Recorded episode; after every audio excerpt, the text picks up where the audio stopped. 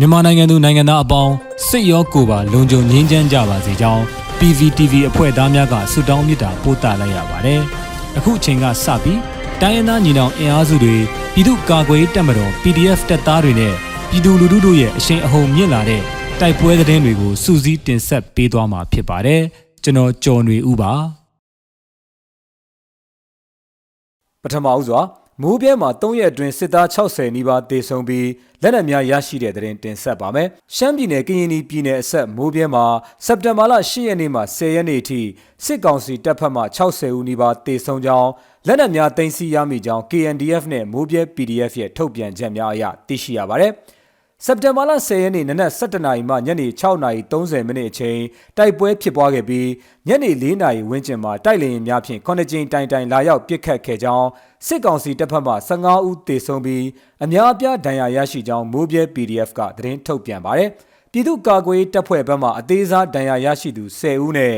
စိုးရင်ရတဲ့ဒဏ်ရာ3ဦးရရှိကြောင်းစက်တင်ဘာလ10ရက်နေ့မှာစစ်သား30ဦးကျော်စက်တင်ဘာလ9ရက်နေ့မှာစစ်သား15ဦးနဲ့စက်တင်ဘာလ10ရက်နေ့မှာစစ်သား15ဦးထက်မနည်းတေဆုံးခဲ့ပြီး၃ရက်တာတိုက်ပွဲအတွင်းစုစုပေါင်း60နီးပါးတေဆုံးခြင်းဖြစ်ကြောင်းဒေသကာကွယ်တပ်ဖွဲ့များရဲ့ထုတ်ပြန်ချက်အရသိရှိရပါတယ်။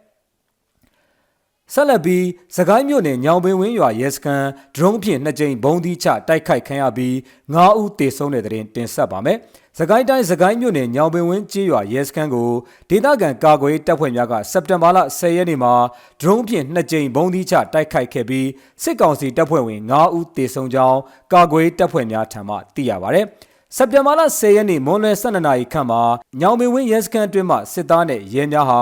မုံရွာမန္တလေးလမ်းပိုင်းတွင်ခီးသွွားပြည်သူများထံမှမတရားကောက်ခံထားတဲ့ငွေကြေးများကိုရဲစခန်းအတွင်း၌ရေတွက်နေစဉ်ကာကွယ်တပ်ဖွဲ့များကဒရုန်းဖြင့်ဘုံသီးချတိုက်ခိုက်ခဲ့တာကြောင့်စစ်သား3ဦးပြင်းထန်ဒဏ်ရာများရရှိခဲ့ကြောင်းသိရပါဗျ။ အဆိုပါပြင်းထန်ဒဏ်ရာရရှိခဲ့တဲ့စစ်သား3ဦးကိုစေးုံတို့ပို့ဆောင်ရန်စစ်ကားပေါ်သို့တင်ဆောင်နေချိန်မှာဒရုန်းဖြင့်ထပ်မံဘုံသီးချတိုက်ခိုက်ခဲ့တာကြောင့်ပြင်းထန်ဒဏ်ရာရရှိသောစစ်သား3ဦးအပါအဝင်9ဦးသေဆုံးခဲ့တာပါမော်လမြိုင်ကျုံတိုးကျေးရွာဘိလက်မြေဆက်ယုံနီးရဲကင်းစကန်စီးနင်းတိုက်ခိုက်မှုရဲနှဦးသေဆုံးတဲ့တဲ့တင်ဆက်လက်တင်ဆက်ပါမယ်။ မွန်ပြည်နယ်မော်လမြိုင်ကျုံတိုးကျေးရွာဗိလက်မြေဆက်ယုံနီးရဲကင်းစကန်စီးနင်းတိုက်ခိုက်မှုရဲနှအူးတေဆုံးကအမျိုးသမီးနဲ့ကလေးငယ်များကိုပြန်လွှတ်ပေးလိုက်ကြောင်းငကနီစစ်ကြောင်းကသတင်းထုတ်ပြန်ပါတယ်စက်တင်ဘာလ9ရက်နေ့နနက်2နာရီခန့်မှာမော်လမြိုင်မြို့ကျုံတိုးကျေးရွာဘီလက်မြေဆက်ယုံနီးရဲကင်းစခန်းကိုငကနီစစ်ကြောင်းကဝင်ရောက်စီးနင်းတိုက်ခိုက်ခဲ့ပြီးတိုက်ပွဲကြာချိန်မိနစ်30ခန့်ကြာမြင့်ခဲ့ရာရဲတပ်သား2ဦးတေဆုံးကြောင်းလက်ကင်ဖုန်း9လုံးသိမ်းဆည်းရရှိကြောင်းသိရှိရပါတယ်။